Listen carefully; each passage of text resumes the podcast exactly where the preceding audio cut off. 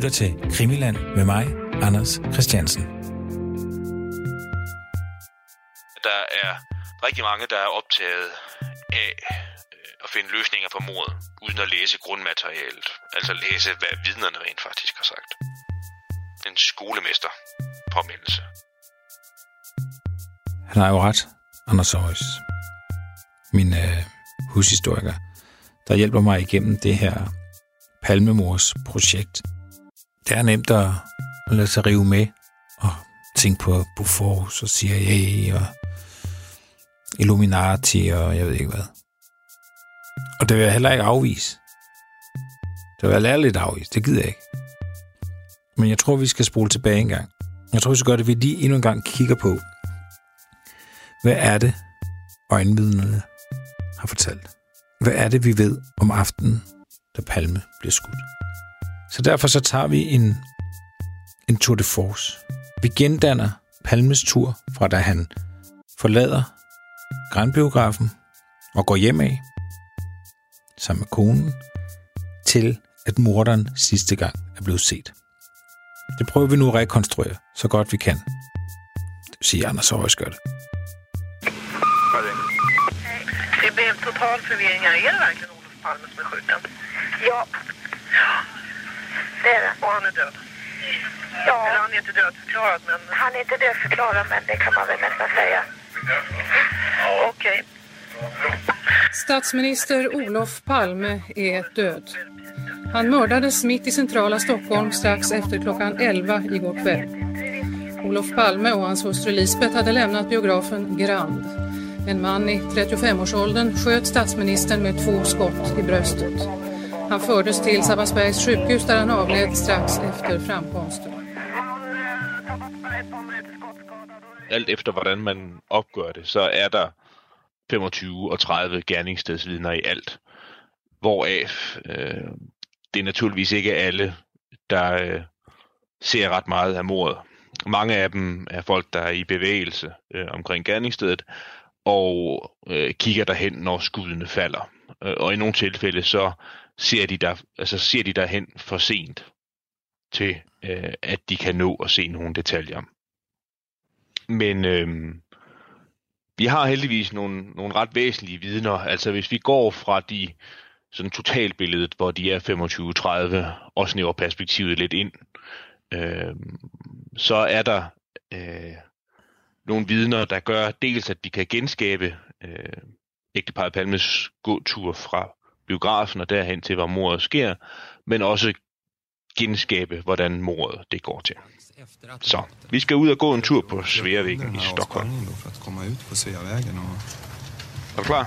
Ja, det är det. Godt.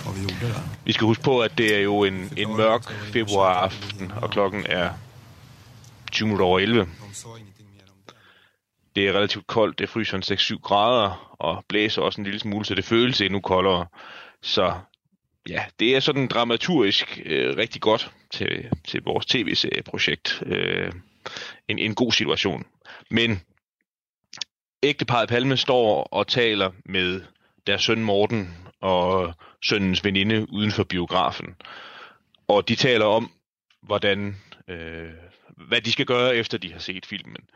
Øh, sønnen Morten og også Olof vil, vil egentlig gerne fortsætte aftenen og måske drikke en kop te og sidde og tale lidt om den film, de har set, eller hvad de nu skal. Hvorimod de to kvinder i selskabet øh, føler sig mere trætte, så de bliver enige om, at de skal gå hver til sit. Øh, og Morten Palme har efterfølgende sagt, at han undrede sig over, eller undrede sig over, stussede over, hvad skal man nu kalde det, eller havde været nok nærmere forventet, at hans forældre, de ville, øh, de vil øh, tage en taxa hjem. Men øh, Olof Palme sagde, at han øh, trængte til en, en rask spaceretur, så de ville gerne gå hjem fra den her biograf og så til deres lejlighed i Gamlerstorn. Og det er vel sådan en spaceretur, der tager, ja, det tager vel knap en halv time eller sådan noget. Så det er en rask spaceretur sådan en kold februaraften. Men det er nu engang det, de vælger at gøre. gøre. Så de går fra biografen, og den her Sveavæggen har vi jo også talt om før. Det er sådan en bred motorgade, der går øh, ned igennem Stockholm, hvor der er, jeg tror, der er to, to kørebaner i hver retning. Og så er der selvfølgelig nogle øh, nogle lyskryds, hvor man kan gå over. Altså, men det er så den brede motorgade, hvor de går ned af den øh, side, hvor biografen ligger på.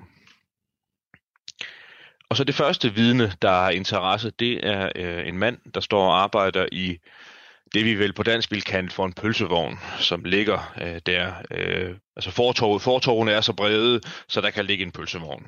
Og den passerer ægteparet Palme, og øh, den mand, der står øh, og arbejder i pølsevognen, han er af jugoslavisk afstamning, Ljubisa N, kan vi kalde ham. Han, øh, han øh, genkender øh, ægteparet Palme, altså øh, Palme er jo et, et, et kendt ansigt, både fra, fra, fra billeder og fra fjernsyn. Jeg mener, jeg har læst et eller andet sted, at øh, i de sådan svenske øh, arkiver over avisfotografier, så er han øh, sammen, suverænt sammen med kong Carl Gustaf, den mest fotograferede svensker i det 20. århundrede. Så han kan genkende, øh, selvom det er en mørk aften, så kan han genkende øh, Olof Palmes profil og regne ud, at det jo nok er hans hustru, han kommer gående sammen med. Så han står i sin pølsevogn og jagter ægteparet Palme gå forbi og fortsætte ned af, af Sværvæggen. Og hvad der også er særlig interessant ved Ljubisa Ens iagttagelse, det er, at han ser øh, sådan en... Han har svært ved at opgøre det, men lad os sige en 10-12 meter bag øh, ægteparet Palme, der går der sådan en høj, lyshåret mand i en lang frakke, tyk frakke, relativt tyk frakke, der går ned til knæene. Sådan en lidt øh, ranglet foroverbøjet type, der går efter øh, ægteparet Palme. Øh, en mand, der aldrig nogensinde senere er blevet øh, identificeret, men som Ljubisa end ser gå efter dem. Og han står og, og kigger efter øh, dem, da de går ned ad sværvæggen, og så bliver han så forstyrret af, at der kommer kunder i hans forretning, så han er nødt til at gå, så han ser ikke mere. Men hører så selvfølgelig øh, senere skuddene, og, og kan regne ud, hvad der er blevet sket, og, og er senere blevet afhørt relativt grundigt, øh, og har også været med øh, i forhold til nogle af de konfrontationer, der har været, blandt andet med Christa Pettersson. Det kan vi måske vende tilbage til. Mm. Men ægteparet Palme fortsætter så ned ad Sværvæggen. Og øh, som lytter måske kan huske fra første afsnit, så øh, vil Lisbeth Palme gerne se øh, i, i et, et, et vindue i en forretning, der ligger over på den anden side af Sværvæggen. Så de, de stopper op og står så og venter. Vi ved ikke, hvor længe, men formentlig ikke så længe endda. Der står de og venter på, at, at de skal kunne komme over på den anden side af gaden. Og så fortsætter de på den anden side af Sværvæggen, stopper ganske kort ved det her øh, vindue til den her forretning, og fortsætter så ned imod det hjørne, hvor mordet senere sker. Og det er også på den side af gaden, at vi støder på to af de andre vigtige vidner, vi har til, hvordan og hvorledes mordet sker, og hvordan forløbet sker op til. Fordi der kommer en mand gående, øh, som møder ægteparet Palme. Altså, de kommer gående i den ene retning, han går i den anden retning. Øh, Øh, Nikola F., kan vi kalde ham, eller det hedder han, men vi behøver ikke lige nødvendigvis at nævne hans efternavn. Han kommer gående op og genkender også øh, ægteparet Palme, øh, og fortsætter så øh, længere op og hører så også senere de to skud og kan også regne ud, hvad der så er blevet sket, hvad der så er sket. Altså, Palme er blevet myrdet, så han, han bliver også på den måde til, til et vidne, der er blevet afhørt. Øhm, og noget af det, der er særlig interessant ved Nikola F., eller der er to ting, der er særlig interessant i forhold til ham, det er, at øhm, Nikola F. kan fortælle, hvor han har mødt ægteparet Palme, da han kommer gående, og han kan også fortælle, hvor han befinder sig henne, da han hører skuddene. Og øh, i sådan et anfald af, af meget imponerende logisk sans, så sendte man rent faktisk en politimand ud med øh, et stopur og målte, hvor lang tid det tog for Nikola F. at gå fra øh, gerningsstedet til han mødte ægteparet Palme, og så målte han, hvor lang tid det tog at gå fra Nikola F., fra der, hvor han gik, da han mødte dem, og indtil han hørte skuddene. Og det her det er en relativt kompliceret ligning, men Nikola F. var den tid, det tog for ham at gå fra, da han mødte ægteparet Palme, og hen til, hvor han hørte skuddene, der kom han, så at sige, betydeligt længere, end han, han gjorde, altså som, som ægteparet Palme brugte på at komme hen, på gerningssted, hen til gerningsstedet. Altså han går en vis distance, der tager et tidsrum at gå, så møder han ægteparet Palme, altså vi har så lidt nulpunkt, kan man sige der. De mødes et sted, og han går videre. Mm. Og det, der er humlen i det hele, det er, at den tid, Nikola F. bruger på at gå fra gerningsstedet til han møder dem, der bruger ægteparet Palme, de bruger cirka 50 sekunder længere på at, at gå distancen fra, hvor de mødes, og hen til, hvor Palme bliver myrdet. Det kan man simpelthen regne ud ved sådan at analysere hele forløbet. Det vil sige, at der er et, et tidsmæssigt hul, som der ikke er nogen, der har kunnet forklare endnu. Det kan vi altid vende tilbage til. Men det er en interessant detalje i forhold til, hvad, det, hvad Nikola F. han har fortalt. Yes. Og nu må du lige være lytternes advokat og spørge, om det, jeg lige sagde nu, det var relativt klart. Ja, altså, Nikola F., han går flere meter på kortere tid end ægteparet Palme. Ja, det, er en, ja, det kan man godt sige. Det, det handler nu mere om, øh, hvor lang tid det tager fra ham. Ja, jo. Det, det, det er det, vi siger. Det væsentligste, det er, at Nikola F. går videre fra, da han møder ægteparet Palme. Ja. Og så laver man en måling af, hvor lang tid det tager at gå den distance. Ja. Og han når så en vis distance, der tager så og så lang tid at gå. Og så har man laver man en måling af, hvor lang tid det går, hvor lang tid det tager at gå derfra, hvor han møder dem. Ægteparet Palme, og hen til der, hvor mordet sker. Ja. Og han er nået, så vidt jeg husker, 1 minut og 40 sekunder går han. Og det tager 50 sekunder, cirka 50 sekunder, for ægteparet Palme at gå fra der, hvor de mødes og hen til gerningsstedet. Det vil sige, at vi har 50 uforklarede sekunder. Ja. Det var forhåbentlig klar. Ja. Jamen, jeg, jeg, jeg forstår det godt, og jeg er sikker på, at lytter, altså vi har jo ret kloge lyttere til det her, Anders, så jeg er sikker på, at de også forstår det faktisk. Det håber vi på i hvert fald. Yes. Den næste interessante jagttagelse, som Nikola F. gør sig, det er, at han ser øh, det næste vidne, vi skal nå frem til i redegørelsen. Og ham talte vi kort om i tidligere afsnit. Det er ham, der hedder Anders B., som har været i byen sammen med nogle kammerater øh, og går frem og tilbage ude på Sværvæggen, mens hans kammerater hæver penge. Og på et tidspunkt, da selskabet er samlet igen, efter der er blevet hævet penge, så bestemmer Anders B. sig for, at aftenen har været munter nok for ham, så han vil hjem. Så han vender om og begynder sådan set at gå og går et stykke vej fra, hvor ægteparet Palme går. Og Nikola F. han ser Anders B. gå efter ægteparet Palme. Og vi er helt sikre på, at det er ham, vi ser, fordi han kan gengive farven på den frakke, som Anders B. han havde på. Meget grundigt. Først så tror han, at det er en livvagt, men da, så, han- da han så ser, hvordan manden ser ud, og hvilken statur han har, hvor langt han går væk, så kan han godt regne ud, at det ikke er en livvagt. Så han ser Anders B., og hvis vi lige skal gøre ham færdig, så går han jo øh, nogle meter bag, en del meter bag ægteparet Palme. Og indhenter dem, så at sige det kan også forklare noget, at noget, noget i forhold til de 50 sekunder, vi har taget før, talt, vi talte om lige før, det er, at han går efter dem og ender med at komme ret tæt på mordet. Det vidne, der faktisk er aller, aller tættest på, han er måske 10 meter fra, hvor, hvor selve mordet sker. Der står han. Og han bliver selvfølgelig også senere hen et meget, meget vigtigt vidne, fordi han er øh, så tæt på, som han er. Mm. Så det, det, det, det er de vidner, øh, vi har, der så at sige har været i, i bevægelse på den side af sværvæggen. Så har vi nogle vidner omkring gerningsstedet, som også er væsentlige. En af dem, der er væsentlig, har vi også talt om i tidligere afsnit. Det er ham, der hedder Inge M., som holder i sin bil skråt over for gerningsstedet. Og Inge M. har været i byen sammen med tre kammerater, og de er undervejs øh, hjemad i skal hæve nogle penge ved en pengeautomat.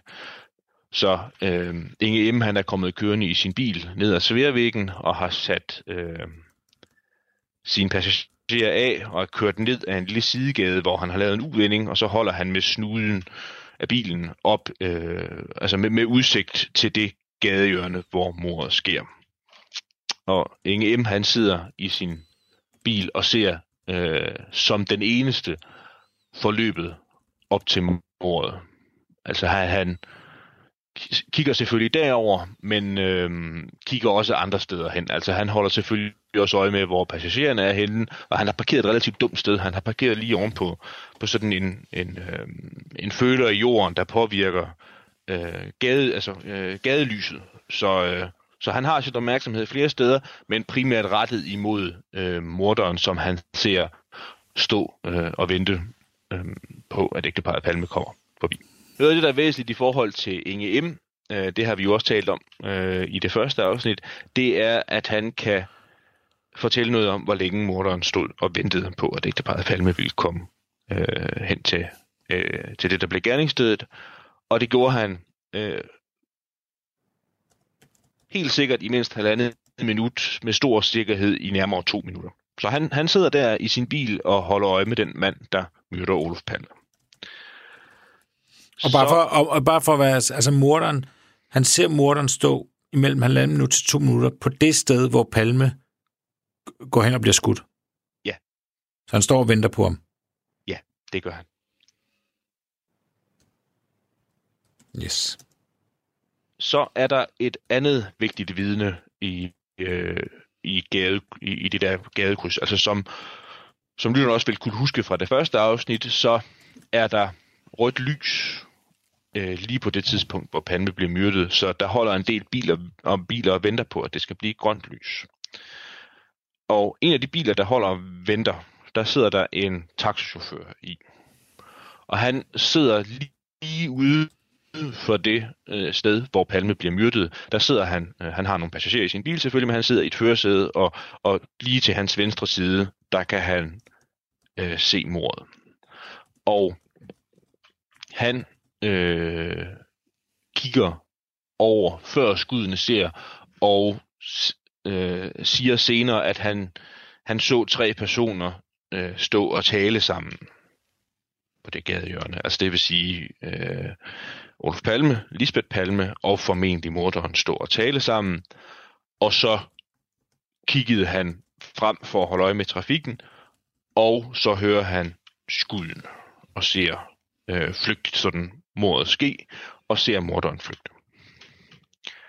Så det er også et meget vigtigt vidne, og, og, og noget af det, vi også skal have i betragtning, når vi sådan laver det der med et fint ord, hedder en vidneværdsættelse, det er, at, øh, at som sagt, det er, øh, det er fredag aften, øh, og det er vinter, havde jeg snart sagt, så vi ved om nogle af vidnerne. Vi ved for eksempel om Anders B., at han, han er beruset, for at sige det lige ud. Han er ikke øh, fordrukken, men han, han er beruset, så det påvirker de ting, han siger. Øhm, om Morelius ved vi for eksempel, Inge M., ham ved vi om, at han er øh, han har været, altså han, han er småforkølet. Vi kan selvfølgelig diskutere, hvor stor en rolle det spiller, men vi ved, at han er småforkølet, har været syg i dagene op til, at han har også sin opmærksomhed fordelt om andre steder. Men Anders D., taxichaufføren, er jo ædru øh, og, i, og i tjeneste, så han, ham må vi betragte som et meget, meget pålideligt vidne. Mm-hmm. Så skal det lige nævnes, synes jeg, fordi nu er vi selvfølgelig i gang med en, med en gennemgang, men der er også andre biler, der holder øh, og, øh, og venter i det her kryds her. Så øh, der er også andre vidner, der kan fortjene, at man ser nærmere på dem. Der er øh, et vidne, Leif L., som sidder i sin store kassevogn øh, og venter på, at det skal blive grønt. Han har en øh, kammerat med i bilen. Øh, Leif L. er interessant af den grund, at det er ham, der har noget for 1986 så specielt som en biltelefon i sin bil. Vi har kort berørt alarmeringen øh, i de tidligere afsnit, og det faktum, at der er en, der venter meget længe i en telefonkø på at komme igennem, og han kommer ikke igennem, og det vidne, det er Leif L. Mm. Øhm, og noget af det, der er mest interessant i forhold til Leif L's udsagn, det er, at udover at vi selvfølgelig kan læse vidneprotokollerne, det er, at der går sådan en automatisk båndoptager i gang, når man ringer til alarmcentralen. Så man kan også høre, hvad Leif L. og hans passagerer har sagt, mens de har ventet i køen. Ja. Altså det vil sige, man har deres helt, helt umiddelbare udsagn om øh, morderen. Altså, men de er ikke sådan specielt specifikke, men de er sådan ret interessante, også dramaturgisk interessante, fordi der bliver jo sagt noget så meget sådan i retning af, at han skød, eller han flygtede den vej, eller så du, eller noget i den dur. Så der har vi en meget spontan reaktion på morderen. Ja. Kan du huske, hvad de sagde? Ikke ordret. Hmm. Men jo, altså det, det jeg sagde før, er ordret. Ja. Øh, jeg mener også, de siger øh, noget i retning af, så du, om man havde en hat på, eller ej. Jeg kan ikke helt huske det, men altså det kan vi jo, det kan vi have til gode, hvis vi graver dybere ned i nogle af vidneudsagene senere. Ja. På den anden side af krydset, så at sige, altså i den anden vejbane, holder der også nogle biler og venter. Deres udsigt øh, til gerningsstedet er ikke helt så god, men i et af bilerne sidder der en øh, ung øh, sygeplejestuderende, øh, Anna H., som også ser en hel del øh, af mordet, øh, fordi hun, altså, ja, hun er nu den i den bil, der sidder bedst for det, og også den, som bliver fanget, øh, altså hvis opmærksomhed bliver fanget af det, der sker over ved gerningsstedet. Og, og hendes vidneudsagn er også interessant at læse. Hun kommer til at spille en ret væsentlig hovedrolle, fordi hun iler derover og begynder at give Olof Palme førstehjælp, efter mordet er sket. Så øhm, hun var også meget tæt på begivenhedernes centrum og fik en meget ubehagelig oplevelse, selvfølgelig fordi hun, Olof Palme var, var stendød, da han blev myrdet, men man forsøgte at genopleve ham alligevel, så hun gjorde alt, hvad hun kunne, og ja, fik blod ud, ud over sig, og altså noget, som man nu gør i sådan en situation. Så. Men hun er også et, et interessant vidne, uh, Anna H. Ja. Og så har vi to tilbage, jeg synes, vi lige skal tage i vores gennemgang. Og den ene, det er det vidne, der hedder Lars J., som står, altså mordet sker jo på gadehjørnet, og morderen flygter ind af sådan en, en smøge, en smal gade, øh, som er relativt mørk. Øh, og det er den blandt andet, fordi der foregår sådan noget altså byggeriarbejde derinde, og der er opstablet sådan nogle container eller arbejderbarakker, hvor øh, de personer, der arbejder derinde, hvor de har kontorer, opholdsrum osv., de står midt på den her i forvejen relativt smalle gade, der står de her to arbejderbarakker eller container stablet om på hinanden. Og Lars J.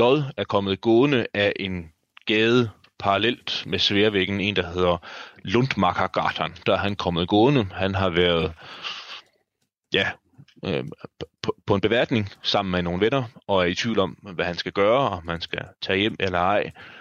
Og mens han står faktisk lige i, øh, i, i, i, et, i et gadekryds, der hvor Lundmarkergatan krydser den her smøge, smalle gade, som, som morderen flygter op af, så sker mordet.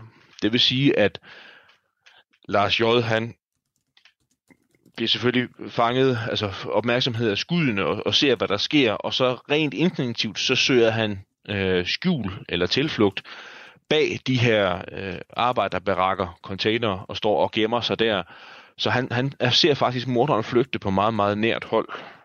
Øhm, og kan selvfølgelig fortælle os noget om, hvordan ja, det er, hvordan mordet gik til, men også hvordan morderen så ud, hvilken statur han havde, hvordan han, han løb af den her gade her.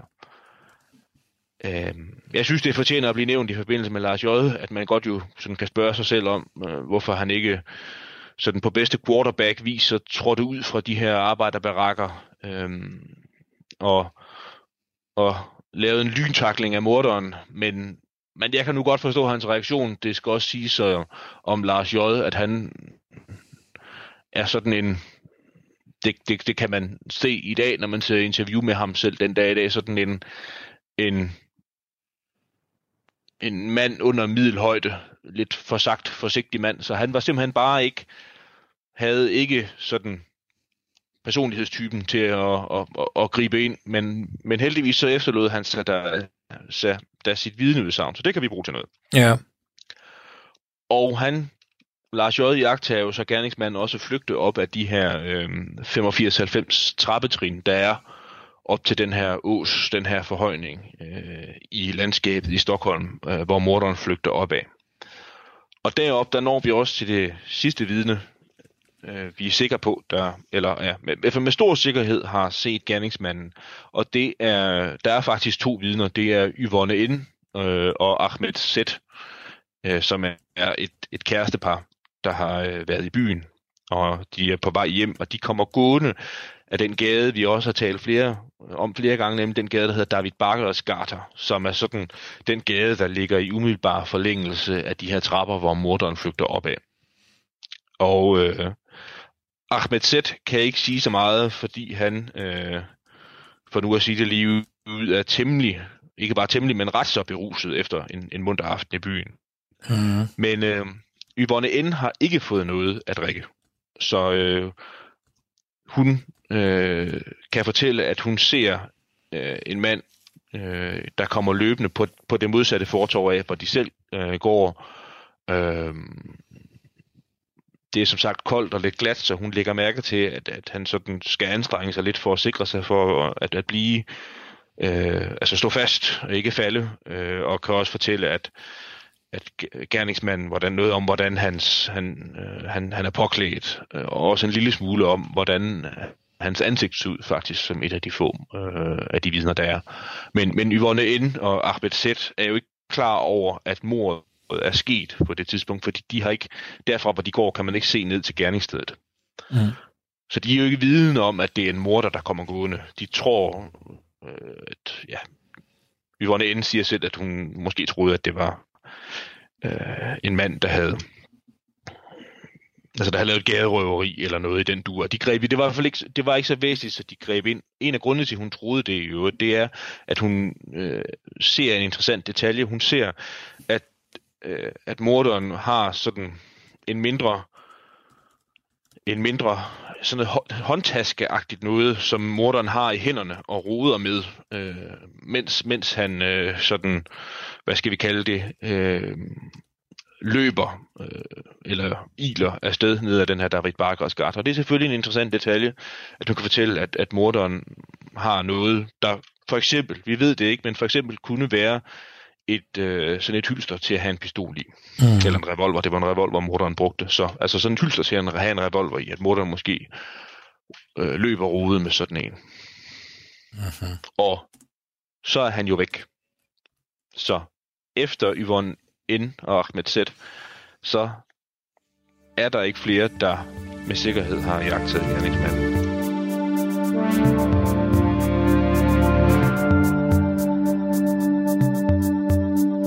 Jamen altså. Det var en, en, en god tour de force, Anders. Jeg har lige nogle spørgsmål ja. omkring det, du har fortalt mig her. Den første, det første vidne, det er ham, øh, der stammer fra Jugoslavien, eller eks-Jugoslavien, der står i det, der kunne minde om en pølsevogn. Ja. Han fortæller, at han har set en, en lidt ranglet, lyshåret, lyshåret mand gå sådan efter parret. Ja. Er der andre vidner, der har lagt mærke til den her lyshårede mand? Nej, det er der ikke. Ikke med sikkerhed i hvert fald. Øhm, der er et enkelt vidne, der er, er, sådan er lidt mere øh, tvivlsomt af forskellige årsager. Han kan vi da også godt lige tage med. Det er et vidne, der hedder Kerstin N., kan vi kalde hende, som meldte sig noget tid efter mordet. Øh, og sådan på lidt øh, usikker grund kunne gengive, at hun havde set øh, ægteparet Palme krydse gaden, der hvor de nu krydser gaden, og har set en mand følge efter dem. Det, der var i går sådan problemet ved Kerstin ind, det var, at øh, hun kunne kun knytte sin jagttagelse op på, hun har set en bestemt film i fjernsynet øh, på et bestemt tidspunkt, og at hendes ur havde slået noget bestemt ganske kort tid før mordet. Men hvis vi tager de forbehold til side, så kan hun have set den samme mand, som Jubilisa N. så følge efter ægteparet Palme. Ham kan Kerstin N. have set. Mm. Men så er vi så fremme, lidt længere fremme, vi er, væk, vi, vi er videre fra pølsevognen og hen til fodgængerfeltet, øh, og der, der kan han så være blevet set sidste gang. Mm. Øh, den mand, der fulgte efter dem.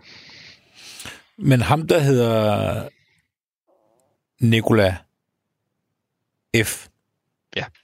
som jo øh, går hurtigt. Han går i hvert fald hurtigere end palmeparet. Ja. Han burde vel have set den nyshårede mand. Øh, Det, øh, det kan man sige, det er i hvert fald en nærliggende slutning at nå til, at øh, han må have set den mand følge, følge efter ægteparret Palme. Og det har, øh, det har Nikolaj F. aldrig sagt noget om. Hvis man læser protokollerne, så er jeg nu heller ikke helt sikker på, at han er blevet spurgt direkte, om, mm. han, om han har set den samme person. Men han har i hvert fald øh, sagt, at han har ikke, han har ikke set nogen, øh, skal vi kalde dem, af interesse, øh, som, som kan have været forfølgere Nej. af ægteparret Palme. Og så, de- og så øh, skal det også sige, at så vil de også have været for langt væk. Altså så hænger jagttagelserne simpelthen ikke sammen.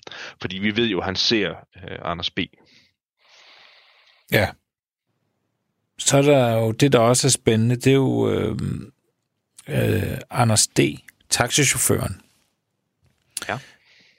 Han siger jo, øh, at han ser palmeparet snakke med morderen.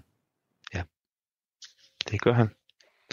Det er meget interessant. Øh, en meget interessant jagttagelse, som han jo også, øh, det har vi vist også talt om før, som han jo også gentog i, øh, i et interview med svensk øh, radio på mornatten, og som, som, blev sendt, som blev sendt ud i æderen, og også blev brugt i, øh, i, øh, i tv's nyhedsudsendelser den første del øh, af dagen, den 1. marts 86. Han øh, siger, at han ser øh, tre personer, et et par og en mand, de står og samtaler med hinanden der i øh, hvor Sværvæggen og Tunnelgatan mødes. Øhm, og så sker mordet så ganske kort tid efter. Og, og det her, det siger han, han bliver forhørt første gang kl. 20 minutter over 12, det vil sige en time efter mordet. Der, der, der, ligger, der fortæller han øh, om den her detalje, at han har set dem stå Ja. øh, og tale sammen. Og det, der så øh, er interessant på en lidt speciel måde, fordi det er jo det, man kan kalde for en form for undladelsessynd, det er, at allerede i det første forhør, øh, efter øh, efterfølgende med Anders Stelsborn, som i øvrigt, apropos noget af det, vi har talt om før, først bliver afholdt den, og holdt nu fast, 14. marts 1986. Det vil sige 14 dage efter mordet. Der i, det, i den protokol, der er, der kan man se, at øh, Delsborn først bliver bedt, altså han bliver bedt om at fortælle, hvad der sker efter skuddene sker. Det vil sige, de bliver ikke ført til protokol igen, at han øh, har sagt det, han sagde første gang, om at han så ægteparret Palme stå og tale med morderen. Og jeg fristes til at tilføje, så fremdeles. Vi ved også, da da Anders D. blev afhørt i forbindelse med retssagen mod Christa Pettersson, så sørgede udspørgeren også for direkte kun at spørge ham til, hvad han så efter skuddene faldt. Jamen altså, Det er jo, og det er jo spændende.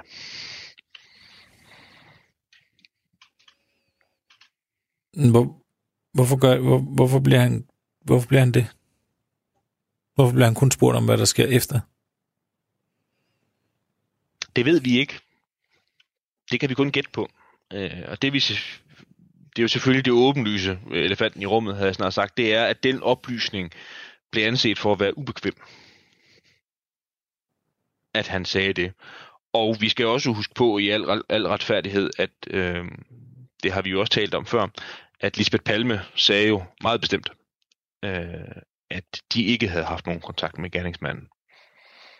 Så alligevel, hvis vi skal kode det helt ned, så er der to muligheder. Øhm, der er nok flere, men der er to meget basale muligheder. Den ene, det er, at Anders D. har set forkert, eller at Lisbeth Palme fortæller noget, der ikke passer.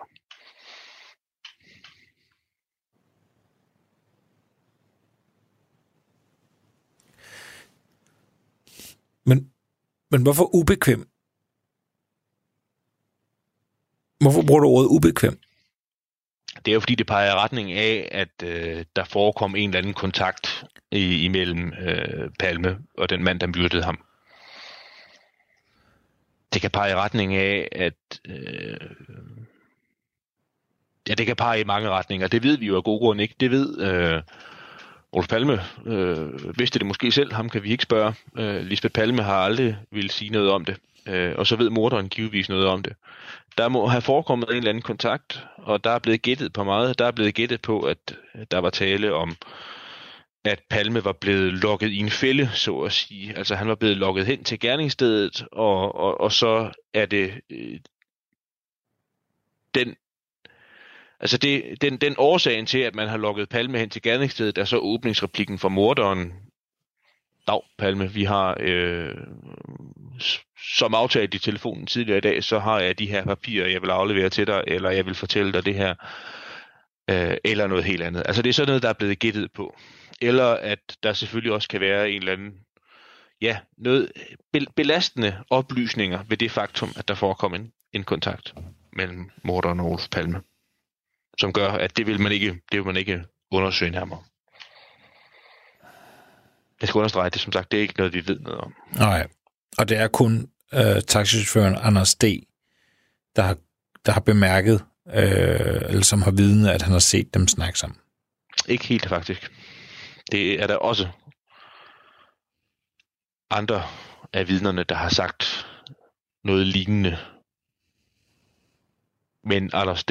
er dels det bedste vidne, og ham, der har sagt det øh, aller tidligst i forløbet, altså som jeg sagde før, allerede en time efter, at, øh, at mordet var sket første gang, han blev afhørt, sagde han det her.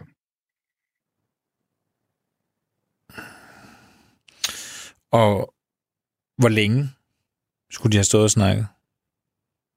Det kan Anders D. ikke sætte helt tidsrum på. Altså, han, han holder som nævnt i sin taxa og kigger ud af sideruden og ser det her ske. Og så samtidig så har han også hans opmærksomhed rettet mod, at på et tidspunkt bliver der grønt lys, så skal han sætte i gang og køre videre. Og så er det så som, som sagt, at han når lige, det når lige at blive grønt lys, og han sætter i gang, og så sker mordet. Så vi, vi, kan jo, vi, kan jo, altså, vi kan lave nogle, ud fra det kan vi jo lave nogle beregninger og sige, at kontakten kan have varet 20 sekunder, eller noget i den dur. Hmm. Og vi skal også huske på, at det kan jo godt have været der før. Altså den kontakt kan godt have været, så at sige, have været i gang, inden Anders D. han kiggede derover. Der, det, det her, det, det, der hvor det her det, det knytter an til, så at sige, øh, det er jo øh, den her manko på 50 sekunder, vi talte om tidligere. Altså det her hul i tidsskemaet, som ikke kan forklares, men som muligvis kan forklares ved, at der forekom en kontakt mellem ægteparet Palme og morderen. Det er derfor, men, at de bruger så lang tid på at komme hen på gerningsstedet. Det er fordi, de bruger de her 50 sekunder ekstra på at stanse op og tale kort med gerningsmanden, før mordet sker. Men hvordan passer det med Inge M? Inge M, det er ham, der holder i sin bil. Der er nogle kammerater, der er ved at hæve penge, og det er ham, der står og ser morderen i halvanden minut til to minutter, inden ja. skuddene lyder. Han siger ikke noget direkte om en kontakt. Altså han siger også, altså han, hvis vi skal vente om, så siger han ikke, at ægteparet Palme kommer gående hen, gerningsmanden træder frem, og så sker mordet, og så er han lynhurtigt væk. Inge M. har for eksempel tid til, da han kigger derover, og, og ser ægteparet Palme komme gående og ser morderen være der, så, så siger han noget i retning af, at øh, til, til en af passagererne, der har været over at hæve penge, så siger han, nu stjæler han øh, sørme øh, damens taske. Altså det vil sige, han ser også noget foregå, som ikke bare er sådan et lynhurtigt forløb med, at de kommer gående, morderen træder frem og skyder, og mordet sker. Så han ser også, det kan man så ikke sige, nødvendigvis en eller anden form for kontakt eller samtale, men han ser også et forløb, der var mere end bare det umiddelbare. Mm. Inge M. har øh, i forhørene også sagt, øh, da han blev bedt om at karakterisere gerningsmanden, at han lignede en øh, narkohandler, der skulle til at lukke en forretning. Så at sige. Ikke lukke en forretning, sådan en butik, men altså til at afslutte en forretning Ja. med, med, med, med et salg af narkotika. Altså han stod og så meget bestemt ud og havde sådan hånden i lommen og havde sådan en positur i retning af en, øh, en der havde øh, en opgave, han skulle udføre. Ja. Det, var en neds, han- ja, det, det var en nedslagning. Han vidste præcis, hvad han skulle gøre, har Inge M. ordret sagt. Blandt andet i, øh, i altså det har han dels sagt i, i protokollerne, men, men også som sådan en slags anbefaling til lytterne, som noget, der er nemt at finde. Han, Inge M. var på mange måder et forbilledeligt vidne, fordi han søgte heller ikke kontakt med pressen eller sensationsjournalister eller noget som helst. Men i forbindelse med 30-årsdagen trådte Inge, Inge M. frem i et eksklusivt interview med en svensk avis, hvor han, øh, altså, sådan, hvor det sådan dramaturgisk blev genskabt, og hvor Inge M. sad i sin bil, der hvor han øh, så mordet sker. Og der ser vi sådan en, synes jeg, meget, meget tillidsvækkende mand øh, gengive, hvad han så for på det tidspunkt 30 år siden. Og der siger han blandt andet de ord, jeg sagde lige før. Mm. Det var en nedslagning. Han vidste præcis, hvad han skulle gøre. Han siger, det ligner, altså siger han, han ligner en narkohandler, eller siger han, han opfører sig som en narkohandler, der er ved at afslutte en handel? Han, han siger mest det første.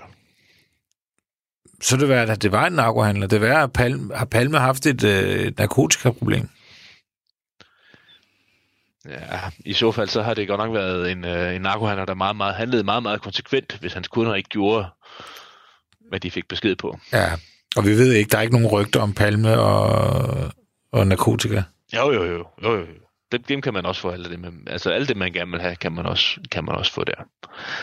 Det, det tror jeg ikke på. Jeg tror på, at og det hører også med til historien om Inge M. Det var noget af det, han blandt andet havde beskæftiget sig med. Det var, at han havde, han havde en vis erfaring med emnet, så at sige. Ikke sådan fra brugersiden, men fordi han øh, i sit arbejdsliv øh, blandt andet arbejdede med socialt belastede unge. Så det var der, associationen kom fra. Okay. Det var, han, han vidste, hvordan sådan nogle, øh, sådan nogle hårde typer så ud, og hvordan deres positur var. Og det var det, der fik ham til, at, altså det var det, der gjorde, at han fik, til, fik ham til at tænke på det i forbindelse med hans jagttagelser af morderen. Så har jeg lige nogle flere spørgsmål, Anders. Øhm, Endelig. sygeplejersken, altså udover at hun giver førstehjælp, kan hun så øh, fortælle noget spændende? Ja, det kan hun. Øhm, noget af det, hun kunne fortælle, det var, at øh, udover hun forsøgte at genopleve Olof Palme, så øh, var hun en af dem, der talte med Lisbeth Palme, og i akt tog Lisbeth Palme, der øh, kort tid efter mordet var sket. Øhm, og noget af det, hun kunne fortælle, det var, at øh, måske ikke så overraskende, men hun var den, der mest detaljeret kunne fortælle, at Lisbeth Palme var helt og aldeles fuldstændig oprevet umiddelbart efter mordet. Altså, hun øh, for rundt øh, og for nu at sige det lige ud, øh, råbte og skreg. Øh, og øh, ja, det er, må, det er måske ikke så påfaldende, men, men det der selvfølgelig så også apropos øh, med, hvad for nogle oplysninger, der var bekvemme eller ej, det var, at det var med en detaljeringsgrad, der var så meget, så det, det var også hvordan skal man udtrykke det, det, det blev øh, også en smule problematisk for øh, for eksempel øh, den officielle palme efterforskning, og det blev også problematisk i forhold til at bruge øh, Lisbeth Palmes umiddelbare udsagn øh, altså sådan efter mordet, bruge dem i efterforskningsøje med, fordi øh, at efter det her øh, Anna H. havde sagt, måtte man stille det spørgsmål, om, om Lisbeth Palme var ved sine fulde fem umiddelbart efter mordet. For Mm. nu at sige det lige ud. Mm. Og så har vi øh, Lars J. Lars J. det er ham, der søger skjul, øh, og, og faktisk ser morderen flygte tæt på. Som jeg hører dig sige det, så hvis han var lavet af en anden støbning, og det er hårdt sagt, Mm-hmm. men så havde vi fanget Palmes morder. Så havde vi ikke, så havde vi ikke siddet her i dag også to og spekuleret. det, det kunne godt være sket, hvis man skal tænke kontrafaktisk. Altså, hvis, øh, hvis Lars J. havde været to meter høj og er grov fysisk, sådan bygning, stor, stærk fyr, så kan det godt tænkes, at han havde lavet sådan en, øh, en, en, en hård takling af Palmes morter. Fordi morderen løber lige forbi ham. Stort set lige forbi ham, ja. Det er inden for ganske få meter, at han står og jagter morderen løb forbi. Og der er jo noget, en, en enkelt interessant detalje, vi måske lige kan indskyde om Lars J., hvis der er tid til det, og hvis du har appetit på det. Ja, selvfølgelig. Lars J. Øh, boede i samme forstad til Stockholm som Christa Pettersson. Og øh, under retssagen mod Christa Pettersson blev Lars J. Øh, spurgt om, om i og med at han stod så tæt, tæt på den flygtende morder, om den mand, der øh, flygtede, om han sådan havde givet nogle associationer til Christa Pettersson. Og så sagde Lars J. meget klart, at øh, hvis morderen havde været Christa Pettersson, så havde Lars J. genkendt ham med det samme som øh, den flygtende morder.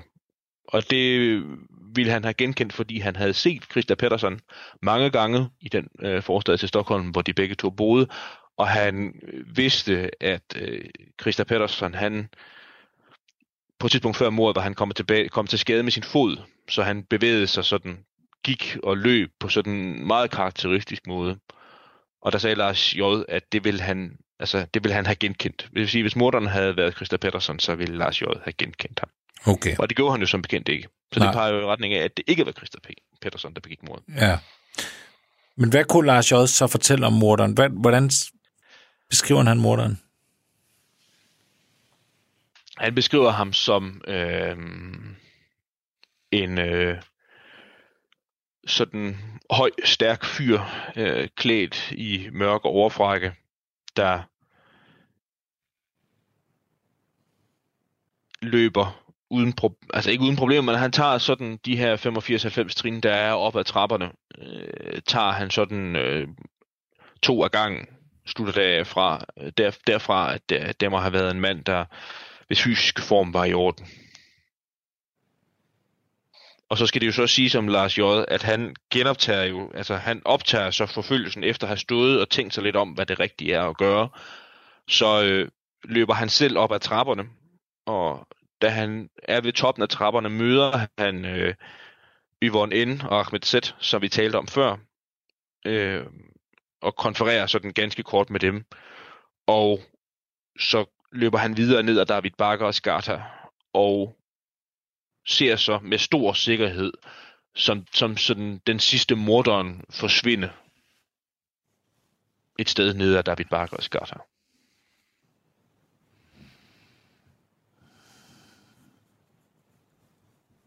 Så han er også et meget interessant vidne.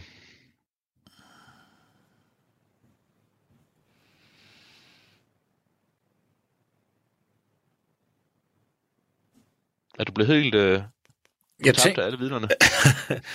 jeg, tænker, jeg tænker, så det knager. Anders, du må have kørt det her scenarie igennem i dit hoved mange gange. Ja, det har jeg også.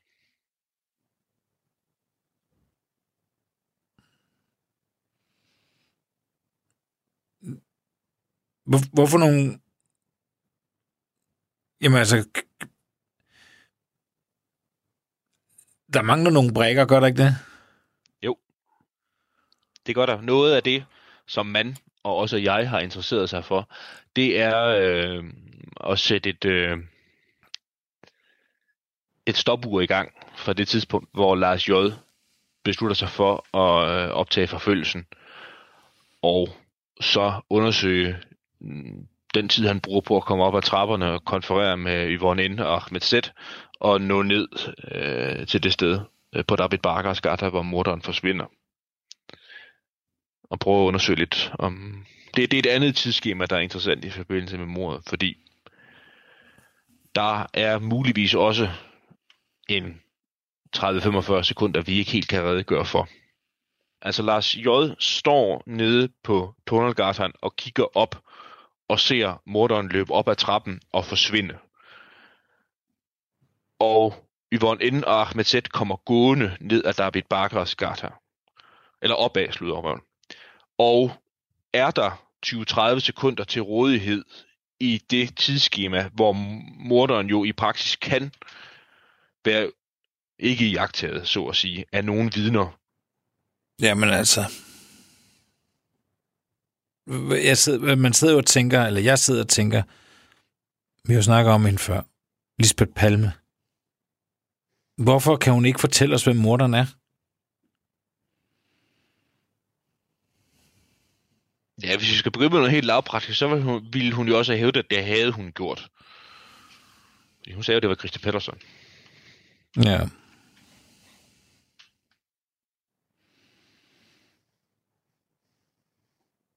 Ja, det er selvfølgelig rigtigt.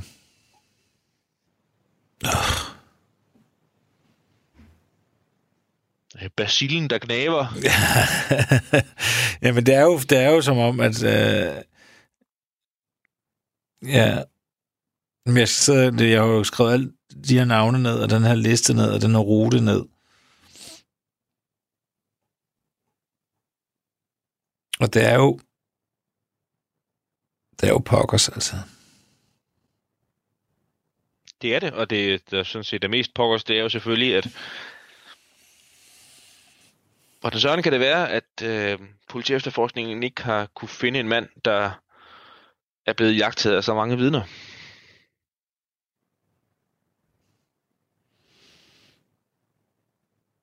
Og fra Inge M., altså ham, der holder og ser morderen stå klar, til og med Yvonne N.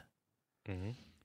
Deres beskrivelser af morderen stemmer overens. Med små variationer, så ja. En høj, kraftig mand, øh, der enten er mørkhåret, eller muligvis har en øh, mørk hue eller hat på. Øh, og deres sådan højdeangivelser. Altså de bliver også alle sammen spurgt af, hvor høj var øh, gerningsmanden. Og nogen kom selv med et estimat, nogen kunne fortælle, hvor, hvor høj han var i forhold til øh, Olof Palme. Øh, peger i retning af, at han var over middelhøjde. 180, 185, måske 190 cm høj. Det går igen hele vejen. Hmm.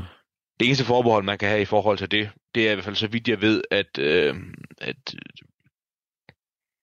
der er mange vidner, hvis, hvis de øh, bliver bedt om at give et bud på det, så svarer de fleste 180-185 cm. Og det er fordi, det er mennesker i al almindelighed. Ja. Men, men det, det er selvfølgelig også interessant, at der er nogen, der har, der har, sagt, at det passer... Øh, altså, de er blevet spurgt, hvor høj var han i forhold til Olof Palme.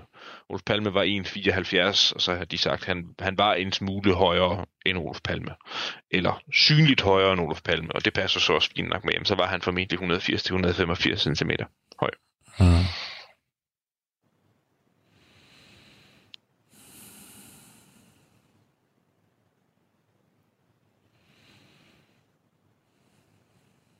Ja. En sidste serviceoplysning til lytterne kan jo være, at øh, på grund af den svenske offentlighedslov, som vi har talt om før, så er det sådan, at øh, de vidner og de øh, protokoller, vi har refereret nu her, dem kan man sidde og læse derhjemme på sin computerskærm, fordi de ligger frit tilgængeligt på internettet. Ja. Kan vi ikke lave den samme aftale som sidst? Jo, At, dem kan man, øh, skrive, kan, kan man skrive efter til, til postkassen, og så kan man få, få linket tilsendt, hvis man er interesseret i det. Ja, og postkassen er en, en mailadresse, der hedder krimiland radio4.dk.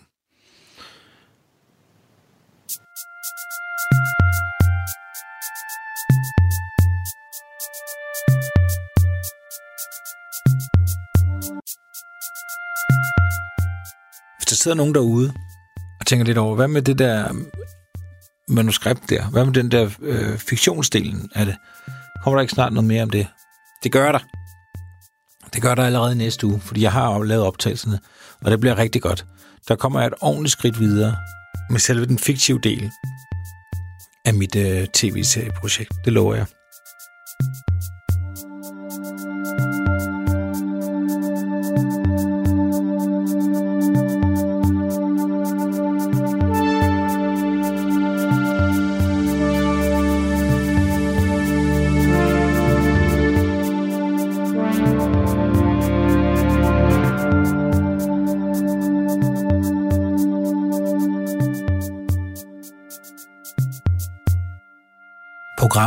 Produceret af Wingman Media for Radio 4.